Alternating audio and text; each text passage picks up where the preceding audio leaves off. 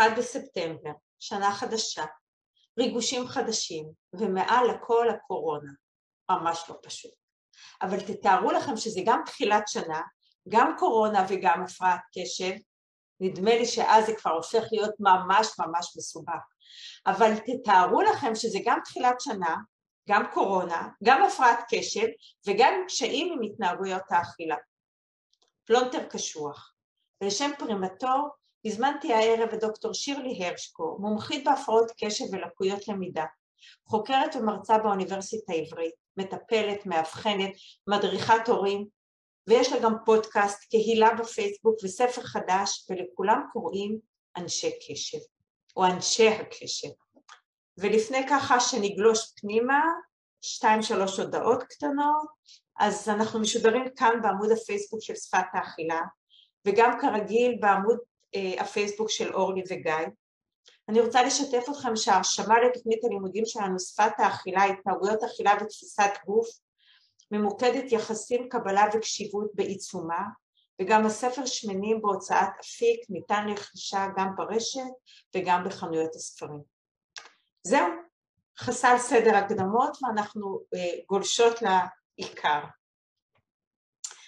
אז אה, מאוד מסקרן אותי שירלי לדעת למה המילה אנשי הקשב, מה מהות השם, מה הרעיון מאחוריו, כאילו זה לא שם שגרתי. נכון מאוד, אה, שאלה מצוינת שאני מאוד אוהבת. האמת שהשם נולד כשהתחילה בפייסבוק ולהתחיל להקים כוח של אנשים עם הפרעת קשב. אה, וחיפשתי שם, והיו כל מיני שמות, מופרעי קשב, כל מיני שמות שהכילו את המילה הפרעת קשב, והרגשתי עם זה לא נוח כל כך, כי בעצם רציתי להביא מקום אופטימי, מקום שמביא את הכלים ואת האסטרטגיות כדי לחיות עם הפרעת הקשב יותר טוב, וגם מקום שמראה את, ה, את התכונות הטובות של האנשים עם הפרעת קשב, שיש להם הרבה תכונות ייחודיות כתוצאה מהפרעת הקשב הזאת, כי בעצם הפרעת קשב זה קשב שהוא לא מבוסת, הוא לא מבוסת בצורה מה שנקרא נורמלית, אבל זה גם מביא להם לחשיבה שהיא יותר ייחודית ויותר יצירתית ויותר מקורית, חשיבה כזו שונה, הם אנשים מאוד אה, מדליקים ומעניינים ולכן לא רציתי לקלוא אותם בתוך המושג הפרעה, אמנם כן, יש שם גם הפרעה וזה גם קשה, אבל יש שם גם דברים אחרים ורציתי להביא אותם. אבל אז אם אני אלך על השם הזה, ופה אני רוצה להתקיל אותך, אז מה, איך, איך נגיד לאנשים עם סכרת, נגיד להם אנשי סכרת, או אנשים עם השמנה, נקרא להם אנשי... איך, איך? איך אנחנו בעצם לא נתייג את האנשים עם, ה, עם, עם הסוגיה שבהם הם מתעסקים, עם המורכבות הזאת. אוקיי, okay, אז בעצם את נכנסת פה לנושא של תיוג. נכון. וזה גם באמת משהו שהרבה פעמים שואלים אותי אם כדאי ללכת uh, לאבחון, זה לא נקרא לתייג את הילד או את המבוגר, ואז מה קורה? אם לא הולכים לאבחון ולא שמים את התיוג הזה של הפרעת קשב, אז יש תיוגים אחרים, כמו עצלן, או כמו לא מתאמץ, או כמו הוא חכם אבל הוא לא עושה, או לא ממצה את הפוטנציאל שלו, או עוד כל מיני שלל אה, תיוגים ששמעתי לאורך הדרך. אז את בעצם אומרת שאי אפשר להיפרד מהם. בדיוק, זה אם זה לא יהיה את התיוג במרכאות של הפרעת קשב, יהיו תיוגים אחרים והם הרבה יותר קשים, תאמיני לי, מהפרעת קשב. אנחנו בטח עוד נחזור לזה עוד מעט, כי אנחנו ננסה כל הזמן להצליב את זה עם אכילה והשמנה, אבל לפני זה קצת נבין את העולם הזה של הפרעות הקשב או העולם של ההתעסקות הזאת בקשב וריכוז ואז ננסה להרחיב את הסוגיה הזאת. אז אמרנו שהפרעת קשב וריכוז או השם שאנחנו רגילים להגיד בעברית הלועזית ADHD, הפרעת קשב שמורכבת בעצם משתי הפרעות לפחות. אחת הפרעת קשב משולבת עם היפראקטיביות ואימפולסיביות, שאנחנו נכנה אותה באמת ADHD, והפרעת קשב טהורה שהיום מוגדרת ADD. אבל במרחב שלנו, את יודעת, אני שומעת מלא אנשים שלפני מבחנים, כל אחד הוא כבר עם הפרעת קשב, כאילו כל אחד יש לו איזה משהו בסוגיית הקשב, זה כמו שכולם רגישים לגלוטן. אז אני אשאל אותך, האם אפשר לאבחן בטעות הפרעת קשב? האם באמת כולנו מופרעי קשב? ואיך מוצאים את ההבחנה או יוצרים נפרדות בין זה לבין זה? אוקיי, מעולה. זה באמת משהו שמאוד מאוד מאוד חשוב לי להעלות למודעות, כי פעם כשאני התחלתי את דרכי, אז אמרו לי, אין דבר כזה הפרעת קשב. והיום אומרים, לכולם יש הפרעת קשב. אז זה ממש נע מקיצוניות לקיצוניות, ומשהו מדהים בתחום הזה, ובגלל זה גם הלכתי אליו, זה שהוא מאוד מדויק. זאת אומרת, הפרעת קשב היא מולדת, נולדים איתה, היא מוחית, היא נוירולוגית, יש שם חוסר בדופמין במוח, וממש אפשר לראות את זה בתמונות מוח אפילו באינטרנט, את החוסר בדופמין, את המסלול הדופמינרגי שם שהוא לקוי, אפילו מבנים מסוימים במוח שהם יותר קטנים, ממש אפשר לראות את ההבדלים מבחינה מוחית ועם הולדת. זאת אומרת שאם בא מישהו שנכנס לתואר באקדמיה ואומר יש לי הפרעת קשב ולא היה לו שום קושי בתור ילד, כלום כלום כלום כלום, אז כנראה שזה לא הפרעת קשב, כנראה שזה קשיי קשב. שזה משהו שבאמת יכול להיות לכולם אה, כתוצאה מעומס, כתוצאה מכמה דברים שצריך לעשות ביחד או מרמה קשה אבל ההפרעת קשב היא מולדת והיא נמצאת שם לאורך כל החיים והיא גם מפריעה לא בתחום אחד. את יודעת, הנה כבר מעניין מה שאת אומרת, סליחה שאני ככה נדחפת לך, אבל זה נורא מתחבר ישר להשמנה. כי בעצם גם הרבה מאוד, מרבית האנשים השמנים לא נעשו פתאום שמנים באמצע החיים, אלא חלק גדול מהם אנחנו רואים כבר את הנבטים בילדות, ובעצם בגנטיקה, במורשת של אבא ואימא וכולי וכולי. ובעצם הנה את מדברת כבר על צד אה, שהוא בעצם כמעט אינהרנטי בילדות, ואוקיי. אז ככה נכון, תמשיכי, חתכתי אותה. כן, גם תכף נדבר באמת על הקשר בין אה, הפרעת קשב והשמנה והוא גם קשר גנטי, אז גם ניגע בזה, אבל uh, באמת חוץ מהנקודה שהיא מולדת והיא מופיעה מגיל uh, צעיר, היום לפי הספר האבחנות הפסיכיאטרי צריך לראות סימנים עד גיל 12, אז דבר נוסף שמאפיין אותה זה שהיא נמצאת ביותר מתחום אחד. זאת אומרת לא רק נגיד בלימודים אלא בעוד תחום, אנחנו צריכים לראות את זה גם בבית, או אולי גם בתזונה באמת, או אולי גם בדפוסי שינה, או אולי גם בהורות, בזוגיות, בעבודה, זו הפרעה שהיא הפרעת מטריה, היא בעצם משתלטת על כמה תחומים. אז כשאנחנו מאבחנים אנחנו רוצים לראות אם היו סימנים בילדות ואם זה מתבטא בכמה תחומים. עכשיו לגבי השאלה אם אפשר לאבחן בטעות, זו שאלה טובה כי עדיין יש באמת אה, חוסר ודאות לגבי העניין הזה ועדיין יש אבחונים שהם לא מספיק טובים, אני מודה.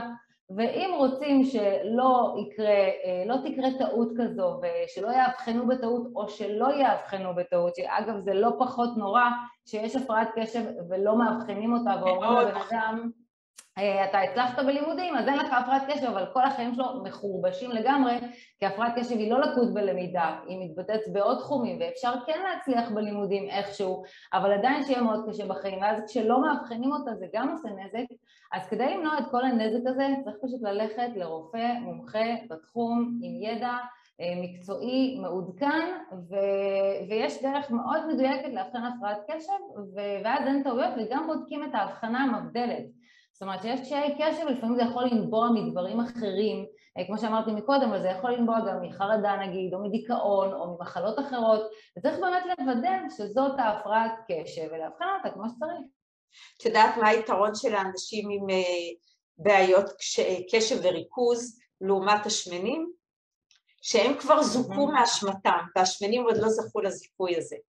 אבל נחזור לזה עוד פעם, כי בעצם יש אוכלוסיות שלמות של ילדים שסבלו שנים, וכמו שאמרת, מאשמת עצלנות, מאשמת זה, והיום הם מזוכים, והשמנים עוד לא עברו את תהליך הזיכוי הזה, אבל תכף. אבל אז בעצם... הם לא מזוכים כל כך מהר, גם אלו שמאובחנים עדיין אה, לא רואים את הקשב הזה ולא יודעים לאן הוא נכנס ולאיזה מקומות ועדיין... מאשימים. אותם כל הזמן. עדיין בזוגיות, בעבודה, זה, זה לא באמת נגמר, רק מי שיש לו באמת המון המון ידע על זה אה, יכול להבין, אז יש פה גם דמיון. מעניין. אז בעצם אמרנו שהפרעת קשב וריכוז יש לה גרעין אורגני, אבל עליו מתפתחות עם השנים שכבות של תגובות פסיכולוגיות וחברתיות ובעצם הם אלה שמעצבות את המבנה השלם הזה של ההפרעה. והיא בעצם כבר לא כל כך קטנה כמו רק בעיה אורגנית אלא היא הופכת לאיזה מין מולקולה אה, מאיימת מאוד. ככה אני אשמח שתאבי לנו את המורכבות הזאת וואו, לגמרי. באמת, אחד הנושאים שהכי הרבה עולים בקבוצה בפייסבוק שלי, אנשי הקשב, זה מה? גם זה קשור להפרעת קשב? כי כל כך הרבה דברים באים ביחד עם הפרעת קשב, זה נקרא קומורבידיות, בעצם שתי הפרעות שבאות ביחד. אז זה גם יכול לנבוע מבחינה גנטית, שבאמת הדופמין הזה שם גורם להפרעות האלה ביחד, שתכף אני אגיד איזה, וזה גם יכול לנבוע כתוצאה מהקשיים של הפרעת קשב, קשיים שהם לא מטופלים והם גורמים להפרעות אחרות להתפתח. אז נגיד מבחינה גנטית, באמת, השמנה שתכף נדבר עליה, אה, קשיי שינה, סכרת, צליאק ועוד מחלות אוטואימוניות כמו פסוריוזיס ואסתמה ואלרגיות ומיגרנות כל המחלות וההפרעות האלה הן באות ביחד מבחינה גנטית ומבחינה שהיא יותר אה, מתפתחת רגשית בגלל שבעצם יש יותר קשיים בהפרעת קשב והרבה פעמים לא מטופלים אז הרבה פעמים גם מתפתחת חרדה או דיכאון ויש שיעורים ענקיים בין 50 ל-70 אחוז של חרדה ודיכאון אצל אה, אנשי הקשב שזה המון, אה, יש גם התמכרויות, יש תאונות, פציעות, יש באמת המון המון... ושלא נדבר על בעיות שנוצרות מאיך שהסביבה מגיבה אליהן. זאת אה. אומרת, איך, איך הבית מכיל את הדבר הזה, איך החברים מתמודדים עם הדבר הזה, איך מסתכלים עליהם, זאת אומרת, זה באמת בעיה שהיא פסיכו-סוציאלית אה, אה, מאוד מאוד מורכבת מעבר למקום הראשוני שמשם היא מתפתחת. אמרת מקודם שתפתחי קצת את הסוגיה ותדברי על, שכחתי על מה אמרת, שתתני דוגמאות של, ה, של המורכבות הזאת. זוכרת למה התכוונת? שאני... אה, דוגמאות יש לי בשפע.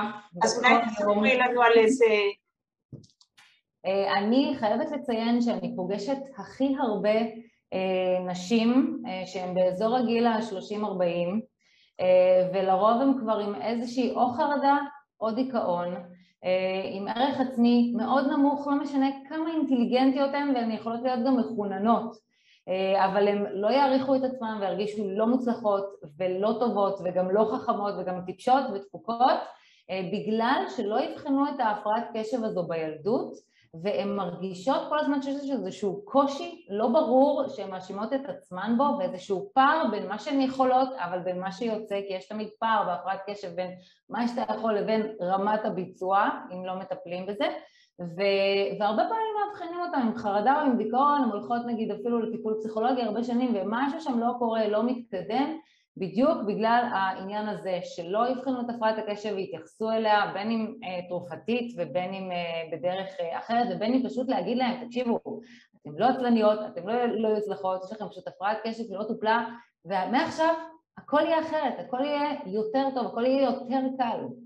הן בעצם אה, מקבלות איזושהי גושפנקה, איזושהי הכרה לתחושות של לא ידעו איך להתמודד איתן קודם. בדיוק. הייתי לשאלה הבאה, מה את אומרת שירלי? שההכרה הזו היא חצי הדרך, אפילו בלי הטיפול, רק ההכרה, רק השם, אה, זה כבר כל כך מקל וכל כך נותן הסבר, גם לעצמם וגם לסביבה. מאוד. וזה באמת מביא אותי לעוד סוגיה שלאט לאט אנחנו נראה כמה יש השקה בין הפרעות הקשב והיחס להשמנה, הרי אין הפרעת קשב אחת דומה ל- לרעותה, וגם זה נשמע נורא הגיוני, נכון? כי אנחנו בני אדם שונים. כמו שאין אדם אה, שמן או אין אדם אוכל כמו חברו ורעהו. בכל זאת, האם את יכולה למצוא משהו גנרי שמאחד את האנשים האלה עם הפרעת הקשב?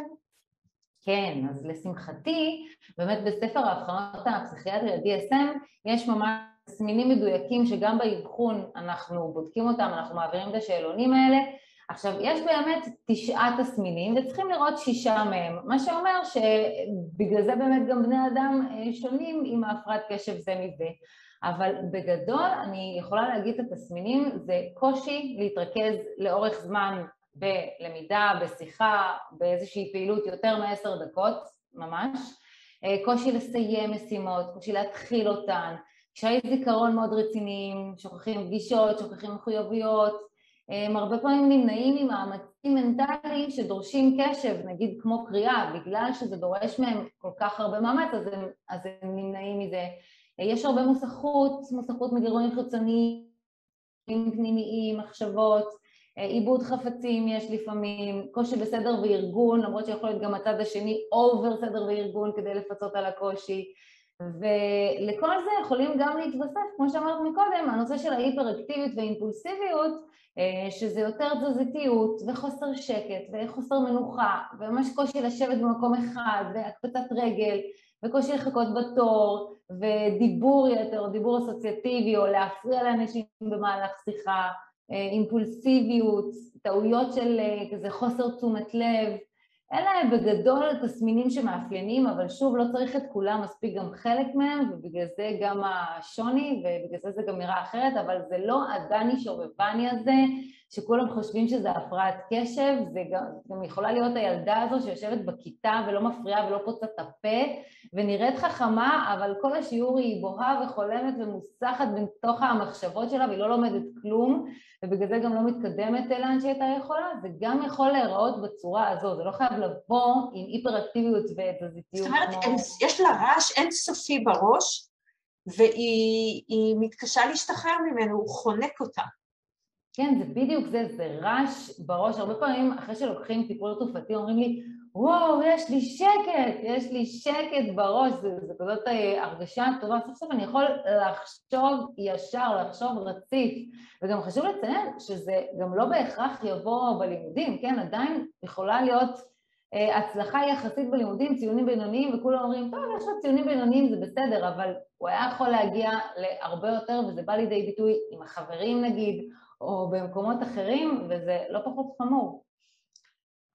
אז אמרנו שבעצם אנחנו, אה, התופעה הזאת או ההפרעת קשב הזאת, אה, או איך שנקרא לה סוגיה מורכבת, היא הולכת ומתרחבת ומקבלת יותר ויותר לגיטימציה. כמטפלת וחוקרת בתחום, אני אשמח מאוד מאוד לשמוע איך את חווית את ההשתנות שלה או ההתפשטות שלה בתור סוגיה חינוכית, רפואית, חברתית, בעיקר על רקע שנת הקורונה. השהות mm, בבית, הלמידה בזום. אוקיי, אז אה, באמת אני כבר 15 שנה חוקרת את ההפרעת הקשב הזאתי, ומה שמדהים בה זה שכל הזמן יש אה, מידע חדש לגביה. כל הזמן הוא מתפתח. אפילו אני, כשהתחלתי את הדוקטורט שלי, לא היה כלום על תזונה והפרעת קשב. כלום. אני חיפשתי בסיס, חיפשתי סקירה ספרותית, פשוט לא מצאתי כמעט שום דבר. היום יש כבר הרבה מאוד אה, חומר על זה, כולל המחקרים שלי, זה דבר שהוא כל הזמן מתפתח. אפילו לפני 15 שנה לא חשבו שיש הפרעת קשב אצל מבוגרים, חשבו שזה רק אצל ילדים, כולל מחקרית. רק היום יודעים שזה דבר שממשיך אה, לכל החיים ואפילו מחמיר בגיל הבוגר. אז זה ממש תחום שלמרות שחוקרים אותו כבר 70 שנה אה, ויש עליו הרבה מידע, הוא נורא נורא מתפתח ובגלל זה הוא גם אה, מאוד מאוד מעניין. עכשיו, חוץ מההיבט המחקרי, אז אה, באמת בסביבה שלנו יש עדיין המון סטיגמות והמון חוסר מודעות בנושא הזה. יש לי פרק שלם בספר שלי רק על סטיגמות, ואני חושבת שיש שם איזה 25 ששמעתי ושאני שומעת, אז, אז אה, חושבים שהפרעת קשב היא בכל מקום, אבל היא לא, עדיין אין מספיק אה, מודעות אליה, גם לא מהסביבה, ואני עדיין שומעת כל יום הורים קוראים לילדים שלהם עצלנים, וכל יום אה, אנשים שאומרים על עצמם שהם כנראה לא יוצלחים ואין להם תקווה, אז בגלל זה אני גם עושה את כל מה שאני עושה, כי מודעות, מודעות, מודעות זה, זה מה שיעזור לנו להבין את זה ולטפל בזה. ובהקשר של הקורונה, הקורונה לא עשתה טוב להפרעת קשב בכלל, אה, באופן כללי נקרא לזה ככה, כי הלימודים בזום רוב הילדים לא יכלו להתרכז שם, התעופפו למקומות אחרים, היו מאוד, מאוד מוסכים מהבית, אה, ומה גם שההורים שהיו צריכים להיות עם הילדים האלה בבית, ואז פתאום הם ראו כמה הילדים שלהם לא מרוכזים בשיעור, או כמה הילדים ההיפרים, כמה הם התחרפנו בבית בתוך הסגרים האלה, וזה הפך להיות ממש אה, כמו פצצת אה, זמן מתקתקת הבתים האלה, אז לכולנו היה קשה, לכולם היה קשה, אבל אני חייבת לציין שלהורי הקשב ואנשי הקשב היה עוד יותר קשה, גם בלימודים עצמם וגם בתוך הבית. וגם באופן ספציפי אפילו בהקשר של מחלת הקורונה, ממש הספיקו לחקור את זה, ולראות דברים מאוד מעניינים, שא', אנשים עם הפרעת קשב הם יותר נדבקים בקורונה באחוזים כן, ממש מחקר אפילו ישראלי מאוד מאוד טוב שהתפרסם, 68% יותר סיכון להידבק בקורונה, שזה ממש הרבה, ואחת הסיבות המרכזיות לכך זה בגלל שהם התקשו לשמור על ההנחיות באופן אז הם מתקשים לפעול על פי נהלים, מתקשים יותר עם גורמי סמכות, אז הם יותר התקשו לשמור על המרחק הזה ולא לגעת, גם יש עניין של ויסות חושי אה, או אובר אה, רגישות או חוסר רגישות, אז גם זה משפיע. אז נמצא ממש שהם נדבקים יותר ממש מבחינה עולמית, אבל עוד נמצא מדהים ומעודד מזה שהם מחלימים יותר מהר מהקורונה, זה גם משהו שנמצא. ואיך את זה מסבירים? ואת זה הסבירו ממש מבחינה גנטית. זה, א', זו הייתה עוד הוכחה לזה שהפרעת קשב היא גנטית, שיש שם מבנה גנטי אחר, וכמו שגם בעבר נמצא שהם מחלימים יותר מהר ממחלות אה, אחרות, אה, אז גם מהקורונה נמצא שהם מחלימים בצורה אה, מהירה יותר, וזה פשוט משהו שהוא גנטי, עדיין כמובן לא הספיקו לחקור ולבדוק מה שם בדיוק, אבל אה, כן אה, מצאו את זה וזה, וזה היה משהו אה, מעודד.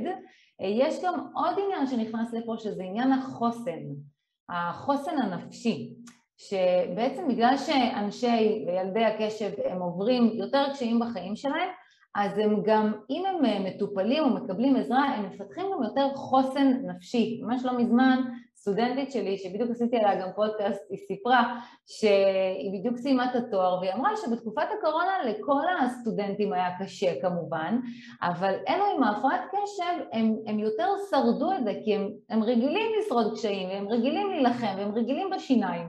אז אה, כביכול היה להם יותר קל בהיבט, ה, בהיבט הנפשי, מהסטודנטים בלי הפרעת קשב, שאולי פחות רגילים להילחם בקשיים ולחוות קשיים. אז כן, יש שם משהו שהוא יותר אה, ככה מוחזק אה, בגלל מה שהם עוברים, אבל בתנאי שהם קיבלו איזושהי עזרה אה, ותמיכה. וואלה.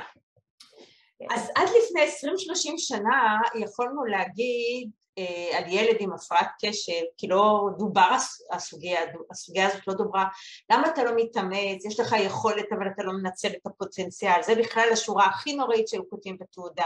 היו אומרים לה, לה, להורים, יש לכם לילד מלא פוטנציאל והוא לא מנצל אותו, כמה אכזרי. וילדים רבים גדלו עם תחושה קשה שהם לא מתאמצים, שהם לא חרוצים, והם לא היו צלחים. היום כבר כמעט הכל היסטוריה ואנחנו מבינים שיש הפרעת קשב ואנחנו מבינים שהיא אורגנית ולעניות דעתי אנחנו מתחילים לראות שינוי מאוד משמעותי ביחס אל האנשים האלה. אבל בהמון מובנים זה מזכיר לי גם את סוגיית השמנים. סוגיית האנשים השמנים שנאשמים כל יום מחדש במשקל שלהם וגם הם שומעים למה אתם לא מתאמצים, למה אתם לא שומרים יותר, למה אתם לא סותמים את הפה וככה אני סקרנית לשמוע מה את אומרת על ההשוואה הזאת בין האנשים עם ההשמנה לבין האנשים עם הפרעות הקשב. אוקיי, אז את באמת צודקת שיש יותר מודעות, אה, אבל לצערי הרב עדיין אני רואה בתעודות ועדיין אני שומעת ממורים ומהורים אה, את העצלן, ממש לא מעט. אה, ואני תמיד מסבירה להם שוואלה, אין דבר כזה ילד עצלן, אתם יודעים? אין תכונה כזו עצלנות. אתה לא יכול להיוולד עצלן, לא יכול, אין תכונת אישיות כזו, היא לא קיימת. מה קורה כשחושבים שילד עצלן? אם uh, לילד יש איזשהו קושי, לא משנה אם זה הפרעת קשב או קושי אחר, אבל הקושי הזה לא מתייחסים אליו בהתאם ולא נותנים לו את העזרה אז הוא כביכול הופך לעצלן כי הוא לא מצליח, אז, אז מה הוא יעשה? אם ילד לא מצליח לשבת 5-10 דקות, וזה מוחי, אין לו מספיק דופמין במוח שיאפשר לו לשבת יותר מ-10 דקות, הוא לא מסוגל כמה שהוא יתאמץ, הוא יכול לעשות עצמו, לשבת אבל לא לעשות כלום, אה, או אם, או אם הוא היפראקטיבי גם לעשות עצמו הוא לא יכול, אבל אה, אין לו את האפשרות הזאת, ואז הוא, הוא מחפש, אוקיי, מה, מה אני אעשה, איך אני אתמודד עם הדבר הזה, כי הוא לא מקבל אה, עזרה, אז הוא נמנע מלימודים, הוא לא, והוא לא עושה שיעורים, והוא לא מקשיב בכיתה, ואז קוראים לו עצלן או לא ממומש, ואם זה ילד עם אינטליגנציה גבוהה, אז אפילו עוד יותר גרוע, כי אה, אנחנו כן רואים שהילד חכם, אפשר לזהות את זה בכל מיני מקומות אחרים, או אם נגיד משהו מאוד מעניין, זה באופן כללי, אה, ילדי ואנשי הקשר, שמשהו מאוד מעניין אותם מאוד מאוד מאוד, הם ייכנסו למצב של היפר פוקוס, הם יכולים לשבת עליו 15 שעות. ולכן כשהורים אומרים לי בקורס, אבל אולי אין לו הפרעת קשב, הוא יכול להתרכז 10 שעות במשחק מחשב שלו, זה לא אומר כלום, כי המשחק מעניין אותו, או שיש שם המון המון גירויים שמתחלפים כל הזמן ומספקים המון דופמין. אבל חשוב לדעת שכשיש משהו מעניין, אה, זה לא אומר שאין שם הפרעת קשב, כי יש קושי בוויסות של הקשב, בלווסת את הקשב למקומות שטיפה פחות מעניינים אותך ופחות מפרישים לך בדופמין, שזה מה לעשות רוב חיינו, הם פחות מסופר מעניינים, במיוחד אה, בבית ספר. אה, לכבוד שנת הלימודים אני אומרת את זה. לא כל המקצועות מעניינים את הילדים, אז uh, במקרה של ילד שהוא חכם, שרואים שיש לו אינטליגנציה גבוהה או אפילו מחונן, שמקבל רק 80, אז אומרים עליו באמת שהוא טוב, הוא לא מתאמץ, אם הוא היה מתאמץ הוא היה מצליח כי הוא הרי חכם. אז אבל... עכשיו תחברי את זה רגע להשמנה, כי בעצם אנחנו, אנחנו בדיוק באותו אופן מדברים על השמנים, פוגעים כן. בהם. ממש. אז באמת, אה, זה מסר שמאוד חשוב להעביר, שאין פה עניין של אם רק תתאמץ. באופן כללי להגיד לילד אם רק תתאמץ, מה זה אומר לו? ברור שהוא מתאמץ. ילד נולד עם אה, פוטנציאל למימוש עצמי. יש את אה, מסלו, חוקר ידוע מתחום הפסיכולוגיה, ויש לו את הפירמידה שלו, זה פירמידת הצרכים של מסלו, והיא הפירמידה שמה שנקרא מביאה למימוש העצמי. ואיך אתה מגיע למימוש עצמי? אתה צריך שסופקו הצרכים, אה, קודם כל פיזיים, אחר כך צרכי השייכות אה, והערכה, ואז אתה יכול להגיע למימוש, אבל אם אתה, יש לך איזשהו קושי ולא מתייחסים אליו ומה מאשימים אותך, אז אתה לא תוכל להראות את הפוטנציאל הזה ולהגיע למימוש הזה, ו, ואז בעצם זה, זה המעגל ש, שקורה עם כל קושי, בין אם זה אה, ילד שמרגיש שקשה לו עם זה שהוא שמן ואומרים לו שהוא אה, לא מתאמץ, או ילד עם הפרעת קשב שאומרים לו את זה. אז חושב... אין פה חוסר מאמץ. אני חושבת שההבנה של המעגל הזה, ובעצם ההבנה שזה לא שאני לא מתאמץ, אולי אני לא יכול, היא הבנה שמאוד מאוד משחררת. נכון. ו- ובפועל אנחנו רואים הרבה מאוד אה, אנשים עם הפרעת קשב מכל מיני ורסיות וסוגים, שיש לזה, שהם מאוד מאוד אה, מתקשים עם משקל גוף. זאת אומרת, יש להם הרבה יותר נטייה להשמנה, אם אוכלים כדי להרגיע ואם אוכלים מעוד סיבות אחרות, ואיזה מין קשר, או איך היית מתארת את הקשר הזה בין השמנה והפרעת קשר? אה, אז הגענו לדוקטורט האהוב שלי. כן, שבאמת אה, יש לי כל כך הרבה מה להגיד על זה. אה, אני אתחיל משלוש עובדות מאוד מעניינות שהרבה פעמים מופתעים לשמוע, לשמוע אותן. אה, אחת זה שאנשי הקשב הם אוכלים בצורה פחות בריאה. הם בוחרים מזון פחות בריא, אני תכף אגיע ללמה, אבל uh, באופן כללי הם אוכלים פחות בריא. אני למשל במחקר הדוקטורט שלי, אני ממש בדקתי מה הם אוכלים ביום יום שלהם עם שאלון FFQ שממש מכיל 120 פריטי מזון והם דיווחו כל יום מה הם אכלו בו ו- ואז ממש בדקנו את האוכלוסייה עם הפרעת קשב לעומת זאת בלי הפרעת קשב ומצאנו ממצא מדהים שבעצם הם אוכלו את אותה כמות קלוריות ואותה כמות מנות אבל הרכיבים שלהם היו הרבה פחות בריאים בצורה משמעותית. זאת אומרת, הם אכלו הרבה יותר חטיפים, ממתקים, junk food, fast food, אוכל מעובד, ופחות ירקות, פירות, מוצרי חלב, קטניות, אה, מאכלים עם אה, ערכים תזונתיים, אז הם ממש בחרו אוכל שהוא פחות אה, בריא, ככה הם דיווחו.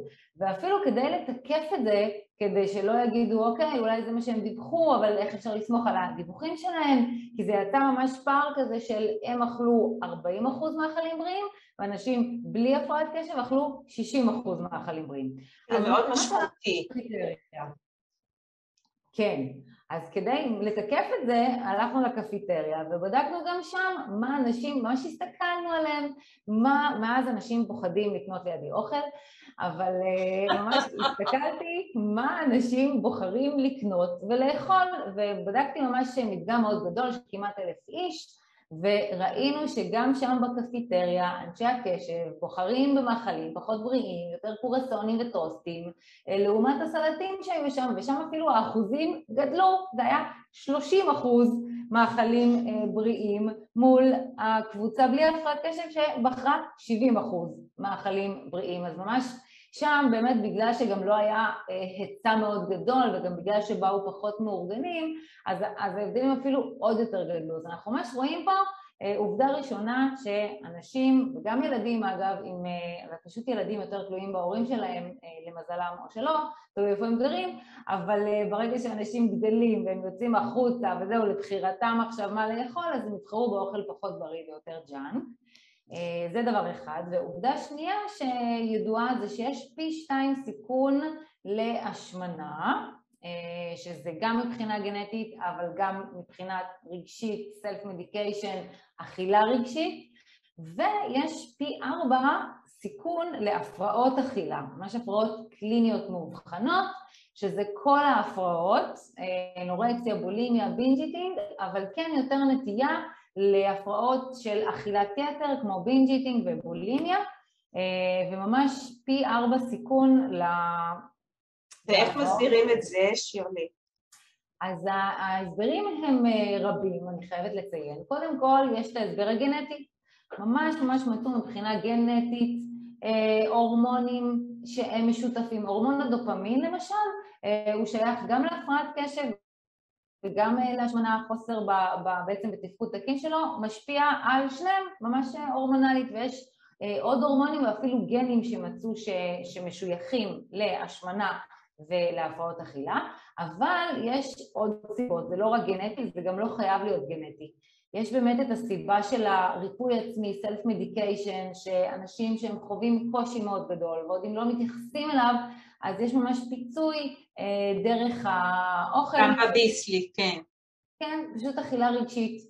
אבל חוץ מזה יש קשר גם לעוד הרבה גורמים מאוד מעניינים, כמו למשל אה, קשיי שינה, אה, אנשי הקשב הם סובלים יותר מקשיי שינה, 75% מהם סובלים מקשיי שינה, שזה אחוזים מטורפים, כמעט כולם יש להם או בעיה להירדם, או בעיה לקום, או קמים במהלך הלילה, או לא ישנים טוב, או הפסקות שינה במהלך השינה, קיצור, שינה פחות טובה, אז כל ההורים שהילדים שלהם משגעים אותם בשינה, זה, זה גם בגלל זה, וכשיש שינה הם מקושרים להשמנה והפרעות אכילה, אז, אז זה בעצם יוצר מין מעגל כזה. ודבר נוסף שנמצא זה, זה כל הנושא של פעילות גופנית, אז אומנם אצל ילדים זה פחות, אגב באופן כללי כל הסיכון הזה להשמנה והפרעות אכילה הוא גדל עם הגיל, אה, אצל ילדים הוא פחות, אצל מבוגרים הוא אפילו יותר. וגם העניין של הספורט, אז ילדים באמת יותר עושים פעילות גופנית, ומבוגרים עם הפרעת קשב ממש ממש פחות, הם ממש נקראים בטטות קורסה, unfortunately, אה, הם אה, עושים פחות ספורט, וגם זה גורם בתורו ליותר השמנה. וסיבה שהיא נוספת זה כל הנושא הסביבתי. אה, שזה כבר נכנס לעניין של באמת של ההסבר של המחקר שלי ושיטת טיפול של שינוי סביבה, אז אה, זה אני יכולה לפרט אה, בהמשך אם תרצי. אני אשמח, כי, כי בעצם אני עוד לא הצלחתי להבין מדויק למה הם אוכלים יותר במבם ביסלי או דברים mm-hmm. כאלה ולא יאכלו אורז או פסטה. אוקיי, okay, אז באמת יש לזה כמה סיבות. האכילה שלהם בגדול היא יותר אימפולסיבית. הם פחות מה שנקרא יכולים לשלוט בעצמם, כמו, כמו בכל דבר אחר, יש שם בעצם אה, קושי בוויסות, בוויסות התגובתי. אז התגובות הן יותר אימפולסיביות, פחות, אה, פחות לחשוב אה, מראש ויותר להגיב ברגע. עכשיו בגלל שהעולם שלנו, ועם השנים זה מחמיר, מתמלא ב junk food ו fast food וחטיפים וממתקים, אה, מסביבנו, אה, והם כל הזמן בעצם רואים את זה, אז הם הרבה יותר התקשו אה, לעצור מבעדם מלאכול את זה. ו- וגם באופן כללי ההתארגנות שלהם, כל התפקודים הניהוליים שלהם, ההתארגנות שלהם עם הזמן ועם היום ועם המשימות, היא גם לוקה בחסר, אז הם פחות יאכלו ארוחות מסודרות והם הרבה פעמים יכולים להגיע למצב שהם אפילו לא אכלו כל היום, שכחו אפילו לאכול, והם מגיעים בערב והם פשוט חוטפים מכל הבא ליד, כל מה שהם יראו הם יחטפו, ו- ומה... זה גם חלק מזה, אבל זה בטח השפעת הפסקה של הכדורים, את יודעת, של הקונצרטה, של הרטלין, כל החבר'ה האלה, ברגע שמסתיימת ההשפעה שלהם, הרעב מתעצם עוד יותר, אה, ואם לא מוכנים לזה, אז גם פה מתקיימת הרבה פעמים זלילה מטורפת. בדיוק. אז קודם כל באמת אפשר להיות מוכנים לזה, אם אנחנו הורים לילדים כאלה, באמת להכין להם את הארוחה, לבדוק מתי אנחנו פתאום רואים שהם נעשו מטורפי רעב ולתת את הארוחה קצת לפני, ושהיא תהיה מוכנה ושהם לא יצטרכו לחכות, וממש מולם, וארוחה בריאה, לא נקניקיות וצ'יפס וזה. אה, באמת, הרבה הורים נורא חוששים לתת טיפול תרופתי, אבל אין להם שום בעיה לתת מיליון עותקים נקניקיות וצ'יפס, וזה לא בהכרח אה, פחות וגרוע.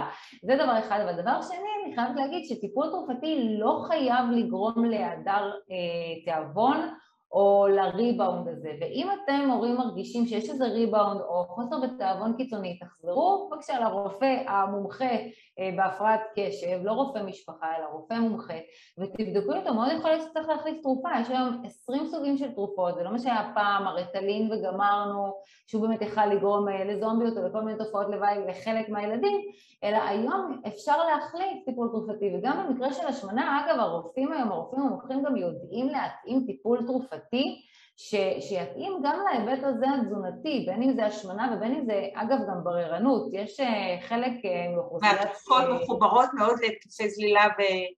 וכולי. אז זהו, שיש באמת תרופות שהן יכולות אה, אה, למנוע את זה ולעזור שם, אה, וגם אה, גם בנושא באמת של בררנות, אז יש, יש ילדים אה, עם הפרעת קשב ועם בררנות באוכל, דווקא ההפך מהשמנה, אבל זה גם אה, לא, לא נעים במיוחד, אבל במקרה הזה אני כן יכולה להגיד שזה עובר עם הגיל, זה, או לא עובר לגמרי מתמתן עם הגיל, אז אה, אפשר פשוט לחכות בסבלנות. או, זה... זה כבר קשוח. לא בטוחה שאנשים יכולים לחכות בסבלנות, זה לא פשוט בבית. זה קשה מאוד, אבל אה, אם יודעים שזה עובר, לפעמים זה מעודד, וצריך לזכור שזה קשור לוויסות החושי, לכל הקושי בוויסות, גם קשה להם עם מרקמים וטעמים וריחות ותמרים ועגבניות וכל מיני דברים כאלה, הם פשוט מגעילים אותם, הם, הם לא יכולים לגעת ולאכול בהם, והם גם יהיו הרבה יותר בררנים במה שהם אוכלים. אני תמיד אומרת, לכו תעשו בדיקות גופניות, אם הכל יוצא תקין, זה גם מרגיע את ההורים, וסטרדום האלה, לנדנד לו ולנג'ס לו, זה רק יחמיר את זה ויוביל להפרעת אכילה בהמשך. אני מבינה ומסכימה, אני אומרת שגם ההורים זקוקים פה להרבה החזקה, כי גם הם נכון. צריכים להתמודד עם כל המורכבות הזאת, והיא בכלל לא פשוטה, אז uh, הרבה חמלה גם הם זקוקים, ולא רק הילד עם הפרעת הקשב. את אה, כותבת באחת הכתבות שפרסם שאנשים עם אה, אה, הפרעת קשב אוכלים עם העיניים. את. יודעת, זה ביטוי שכולנו משתמשים בו, אבל גם את מוסיפה ומדברת על מצב קר ומצב חם. ואני ככה רוצה להבין האם את מתכוונת שאת מדברת למצב עם שליטה ומצב בלי שליטה, או כאילו תחברי. אותנו למונחים האלה. מה זה אוקיי. לאכול עם העיניים? אז באמת מצב קר ומצב חם זה אה, מושגים שהם כבר אה, ממש מאוד ישנים בתחום הפסיכולוגיה, כבר מאזור ה-1980 אה, מדברים עליהם, שזה בעצם אומר שמצב שהוא קר זה מצב שאני יותר יכול לשלוט בהתנהגות שלי, אם אנחנו מסתכלים בהיבט של תזונה, אז אני לא רעב, אני לא נמצא במסעדה או בקפיטריה ומריח את האוכל או רואה את הפיצה, אני בבית שלי ואני שבע, בשקט שלי, זה, זה המצב הקר שלי. מצב חם זה מצב שאני כבר רעב, או מול האוכל, או מריח אותו, וכבר פחות יכול uh, לשלוט בעצמי. כן, ואנשי הקשב הם uh, יותר uh, מושפעים מהמצב החם, זאת אומרת הם יותר יתקשו לעצור את עצמם במצב החם ולכן השאיפה היא אה, להוביל אותם יותר למצב שהוא קר, למצב שהוא נשלט, למצב שהם מתכננים את האוכל שלהם, אה, למצב שהם אוכלים לפני שהם מגיעים אה, למצב של רעב, או אפילו יותר אוכלים נגיד בבית ולא בחוץ, כי מאוד קשה בחוץ לשלוט בעצמך. אז זה בעצם העניין עם מצב קר וחם, והאוכלים עם העיניים זה באמת הם במצב החם שלהם, הם יאכלו את כל מה שהם יראו, אפילו... כל מה שזז, מה שנקרא. ממש אפילו מישהי אמרה לי לא מזמן שהיא חטפה בטעות, היא ראתה משהו כזה על השיש וחטפה אותו, נשנשה אותו, ואז הילדים שלה צעקו לה, אמא, את אכלת עכשיו את האוכל של הכלב. באמת? אוי, כי, כי יש פה גם באמת העניין של המוסכות וחוסר קשב כזה, שאתה לא שם לב בדיוק מה, מה אתה עושה, ומנשנש לך על הדרך את האוכל של הכלב. לא רע לאכול בונזו לארוחת ערב. תגידי לי, יש לי אה, אה, תהייה קלה, כי בחברה עכשיו בישראל, ולא רק בישראל, בעולם, אנחנו רואים שיש הרבה מאוד אנשים עם התקפי זלילה ואובדן שליטה על האכילה. עכשיו, אה, אם בעצם אה, יש הרבה חיבור בין אובדן שליטה בכל סוגיית האימפולסיביות והפרעות הקשב, האם יכול להיות שיש הרבה אנשים עם הפרעת קשב שהם בעצם לא מאובחנים ויש קשר מאוד גדול בין התקפי הזלילה והפרעת קשב לא מאובחנת? Hmm.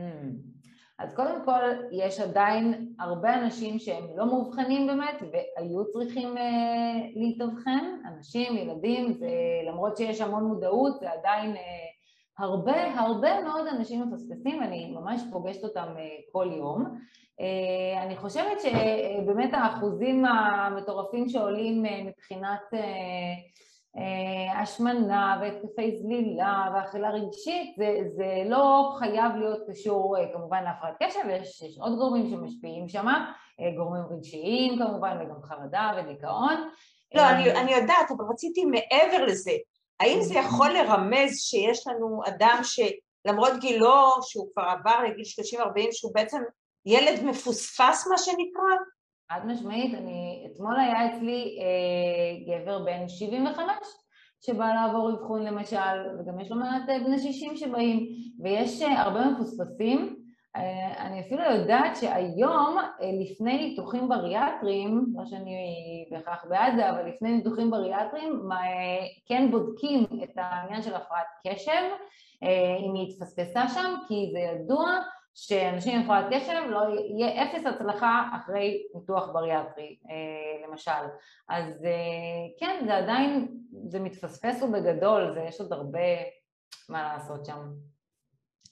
את מדברת הרבה על עיצוב הסביבה כדרך להקל לאנשים עם הפרעת קשב, mm-hmm. דרך להקל על האכילה שלהם. ככה, כן. אני סקרנית למה את מתכוונת. נכון, אז באמת החלק השני של הדוקטורט שלי, אחרי שמצאנו את כל דפוסי האכילה והסיכונים, זה היה אוקיי, מה עושים עם זה עכשיו? אה, בדקנו את המודעות שלהם, ראינו שהם מאוד מודעים למה בריא, מה לא בריא, יודעים פרפקט, אה, כמו אנשים בלי הפרעת קשב, זה לא היה עניין של המודעות.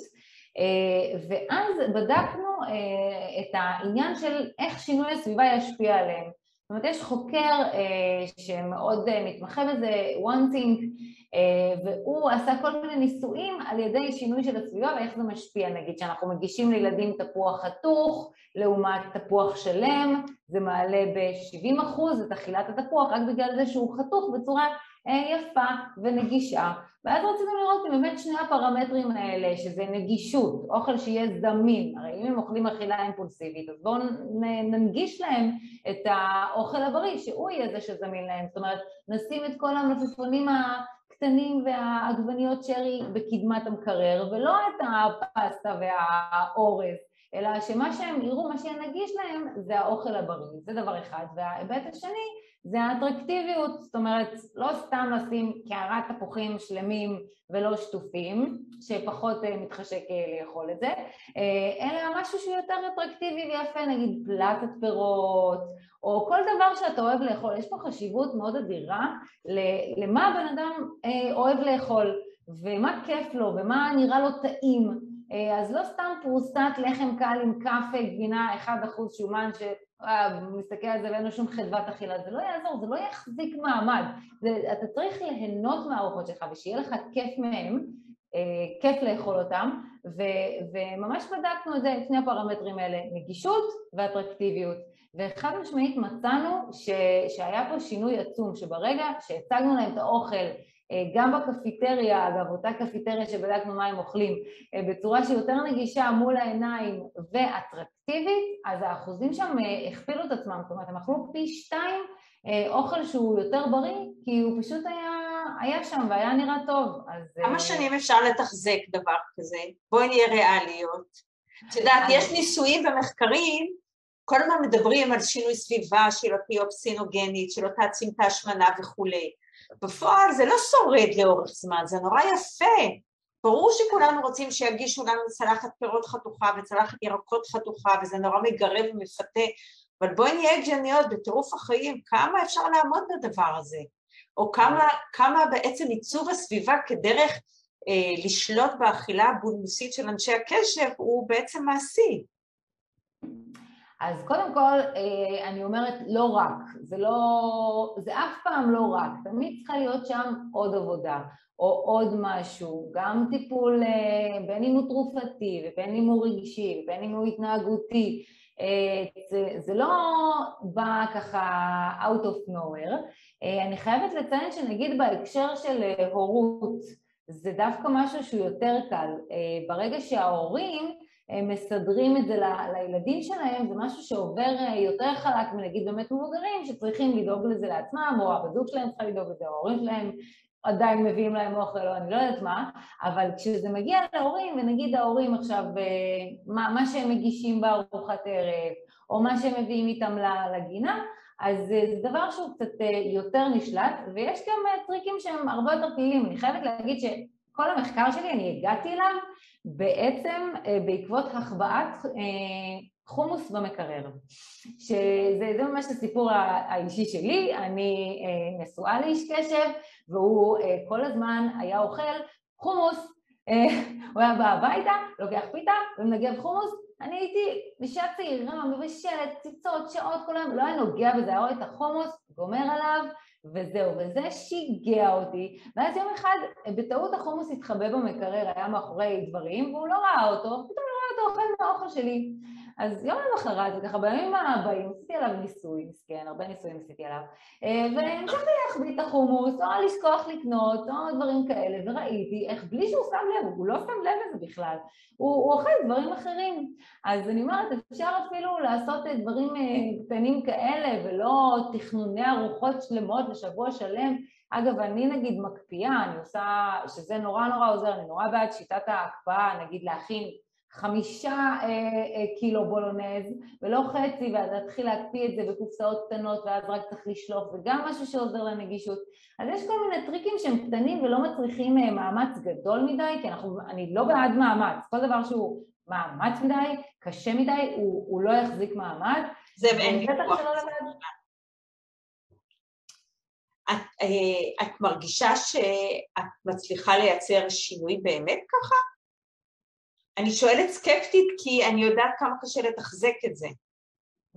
כן, זה, זה באמת דורש, אה, דורש החלטה ו, ודורש הבנה של הדבר הזה. כמו שלטפל בהפרעת קשב, זה גם לא קל בעליל, אה, וזה דורש מודעות, הבנה וכלים ואסטרטגיות. אז אותו הדבר בהיבט הזה, למשל בספר שלי יש שם פרק שלם שממש מסביר איך לעשות את זה, אה, איזה כלים צריך, איזה אסטרטגיות, וכן, וברגע ש, שמשתמשים בהם גם לא צריך להשתמש בכולם, מספיק בחלק, זאת אומרת מספיק... אה, אני, אני בעצם מנסה לבוא ולהגיד שאת יודעת, אנחנו יושבות פה ומדברות אה, בזום ובפייסבוק ונותנות עצות, ואחר כך האנשים שמקשיבים צריכים ללכת לעשות עם זה משהו. אני יכולה... ובעצם מה שאני אומרת, זה לא דבר טריוויאלי לממש את זה, ואני ככה כאילו זה מהר מאוד הופך להיות פרויקט, ופרויקט יש לו התחלה אבל יש לו גם סוף, ואני שואלת את עצמי איך אנחנו יכולים לעזור להורים לא בפרויקטים עם uh, תאריך תפוגה, אלא דברים שיוכלו להיות מושרשים באורח החיים היומיומי, וזה לא פשוט בעיניי. נכון, אה, אז אני, אני יכולה לתת ממש ככה כמה כלים אה, שהם פרקטיים וקלים. קודם כל, לצאת מנקודת הנחה מהעניין שאנחנו לא אומרים לילד תפסיק לאכול או תמשיך לאכול או מה אתה אוכל, לא, לא נכנסים לו, זה ממש להיכנס לקישקע. ממש, את זה אנחנו לא עושים וזה באמת יכול בקלות להוביל להפרעות אה, אה, אכילה, אלא אנחנו יותר אה, מה שנקרא שולטים על מה שאנחנו אה, מביאים לו. ומספיק שתקנו באמת את המלפפונים הקטנים עגבניות שרי ותשימו אותם במקום בולט במקרר. או תכינו ביום שבת איזה לא יודעת, סיר בולונז או סיר קוביות טופו ותקפיאו את זה ככה בחלקים קטנים ותוציאו, זה, זה דברים שהם פשוטים לעשות והם גם, גם עוזרים בלי קשר... מה את עושה כשהילד כבר אה, גדול ולא מקשיב לאבא ואימא? הוא אדון למקרר, את יודעת, ילד בגיל תשע, עשר, אפילו כבר שמונה, הוא פותח את המקרר באופן עצמאי.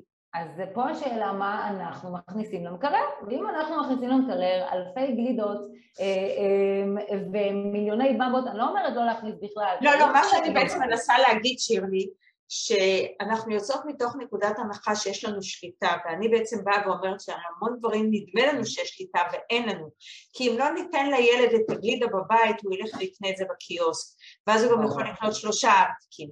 אז כאילו מה שאני בכוונה מקשה, כדי שכשההורים מקשיבים לנו, אחר כך אה, הם ילכו וירצו לממש את זה, לא יהיו מתוסכלים, כי בעצם על ידי זה שנכוון ונצר את הפריזמה, אז אנחנו נגדיל את האופציה שהילד אולי יגנוב אוכל ויאכל בהסתר, וגם את זה אנחנו לא רוצים. אני כאילו בעצם מנסה להגיד שהסוגיה הזאת הרבה יותר מורכבת ממה שנדמה לנו, ו- ואולי לתת עצה כמו עגבניות שרי וזה, זה נחמד, אבל כמה זמן זה שורד?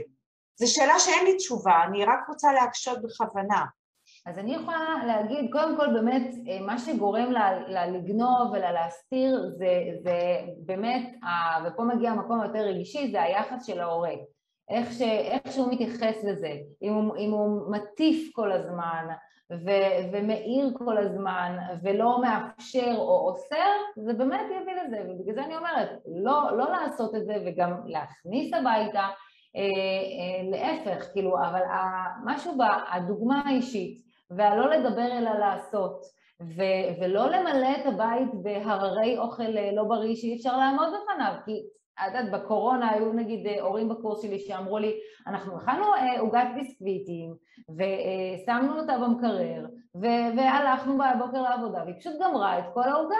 אה, אבל וואלה, לא היה לה שם אוכל אחר ולא היה לה בחירה אחרת מה, מה לאכול והייתה את העוגה הזאת שישבה שם במקרר, זה קשה, זה קשה לילדת קשב מתבגרת לה, אני יכולה להבטיח לך שלא רק לילדת קשב. כן, לגמרי. אני, אני רוצה ש... גם אני. בדיוק. אה, אני רוצה שנספיק להתעכב על עוד נקודה, אה, אה, עוד אנלוגיה בין ההשמנה להפרעת קשב, היא מה זה לתקן את השמן ולנסות להרזות אותו, בין מה זה לתקן את איש הקשב. כאילו אני רוצה שננסה רגע לחשוב על רעיון התיקון. האם יש דבר כזה נורמליות בריאה שיש לשאוף אליה? האם אנשי הקשב או השמנים מקולקלים, והאם לפיכך הם ברי תיקון? מה, מה דעתך על הסוגיה המורכבת הזאת? טוב, קודם כל, אני אה, עשרים שנה עם אנשי הקשב כי אני הכי אוהבת אותם בעולם, הם מדהימים בעיניי אה, והם באמת כל כך מעניינים ומרתקים ומדליקים וספונטניים ויש בהם מלא דברים טובים, גם האינטליגנציה הרגשית שלהם והאמפתיה.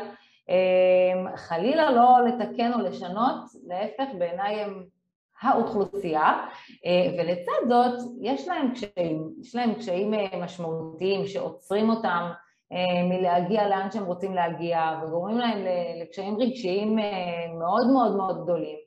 ואני אומרת, בזה צריך לעזור, בזה צריך לטפל, לא, לא לשנות אותם חלילה, אלא לתת להם כלים להגיע לאן שהם רוצים, למרות ה... זאת אומרת, בהמון מובנים את בעצם נשענת על המודל הסלוטוגני שבא ואומר שבמקום אה, אה, להילחם בחולי, בואו נעצים את, ה, את הבריא, את הטוב, נקדם את, ה, את הילד למקום הכי טוב שהוא יכול להיות עם כל המורכבות הזאת.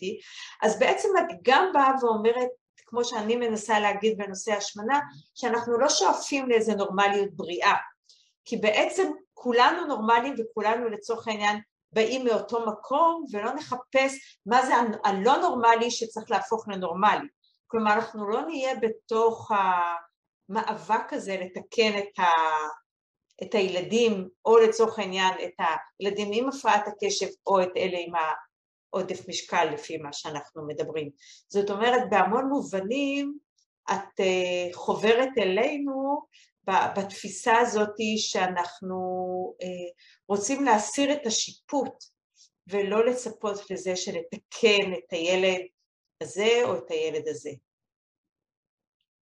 חד משמעית, אפילו הספר שלי נקרא אה, לחיות טוב יותר עם ולצידה. זה, זה מה שאנחנו רוצים לעשות, ובאמת להפך, לאפשר לכל התכונות המדהימות האלה לצאת אה, החוצה, ממש, ממש מתחברת למה שאת אומרת. אז ככה אנחנו ממש כמה דקות לסיום, והשעה אה. שהייתה כאילו נראית ארוכה היא הייתה נורא קצרה. ממש. ואני אה, סקרנית אם היית רוצה להגיד איזה מילה לעתיד. תמיד אנחנו רוצים להיות עם באופק. Mm, הלוואי, הלוואי הלוואי ש... ובאמת אני אעשה כל דבר שאני יכולה בהקשר הזה, בגלל זה כל הפודקאסטים, הכתבות, הספר, הקבוצה, הכל, אני רק רוצה שהמודעות תעלה ושלא יתפספסו יותר ילדים ומבוגרים, כי באמת קשה לי, קשה לי, אני, אני לא, לא עובר שבוע בלי שאני אבכה מאיזשהו מקרה ש, שפוספס וחיים אה, נחרבים ויחסים, יחסים באמת בין, בין הורים לילדים ובין זוגות הם פשוט אה, מתפוצצים לגמרי בגלל העניין הזה, אני ממש רוצה שהמודעות הנכונה כמה שיותר תעלה והאבחונים הנכונים ולא רק האנשים עם ההפרעת קשב אלא גם הסביבה שלהם ש, שהם ידעו, שהם ידעו הכל ואז הם באמת יוכלו פשוט באמת לחיות חיים הרבה יותר טובים זה, זה השאיפה הכי גדולה שלי לעתיד. שירלי, דוקטור שירלי הרשקו, תודה על שעה קדושה ומשמעותית ועל הרבה תובנות, אני חושבת שהיה פשוט מרתק. ותודה גם לכם המאזינים.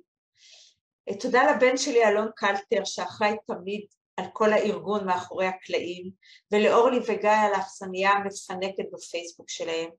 אנחנו ניפגש שוב כבר בשנת תשפ"א, שנה הבאה, עם מפגש מסקרן מאוד ובו אארח את דוקטור שרה כהן שפוט, ראשת החוג ללימודי נשים ומגדר באוניברסיטת חיפה, ונעסוק הפעם בנושא האם מותר להיות לא בריאים, על הגוף הגרוטסקי, על גופים אחרים ועל הזכות שלנו להיות מי שאנחנו. אני מאחלת שוב תודה לשירלי ולכולכם, שנה טובה ובריאה ולילה טוב.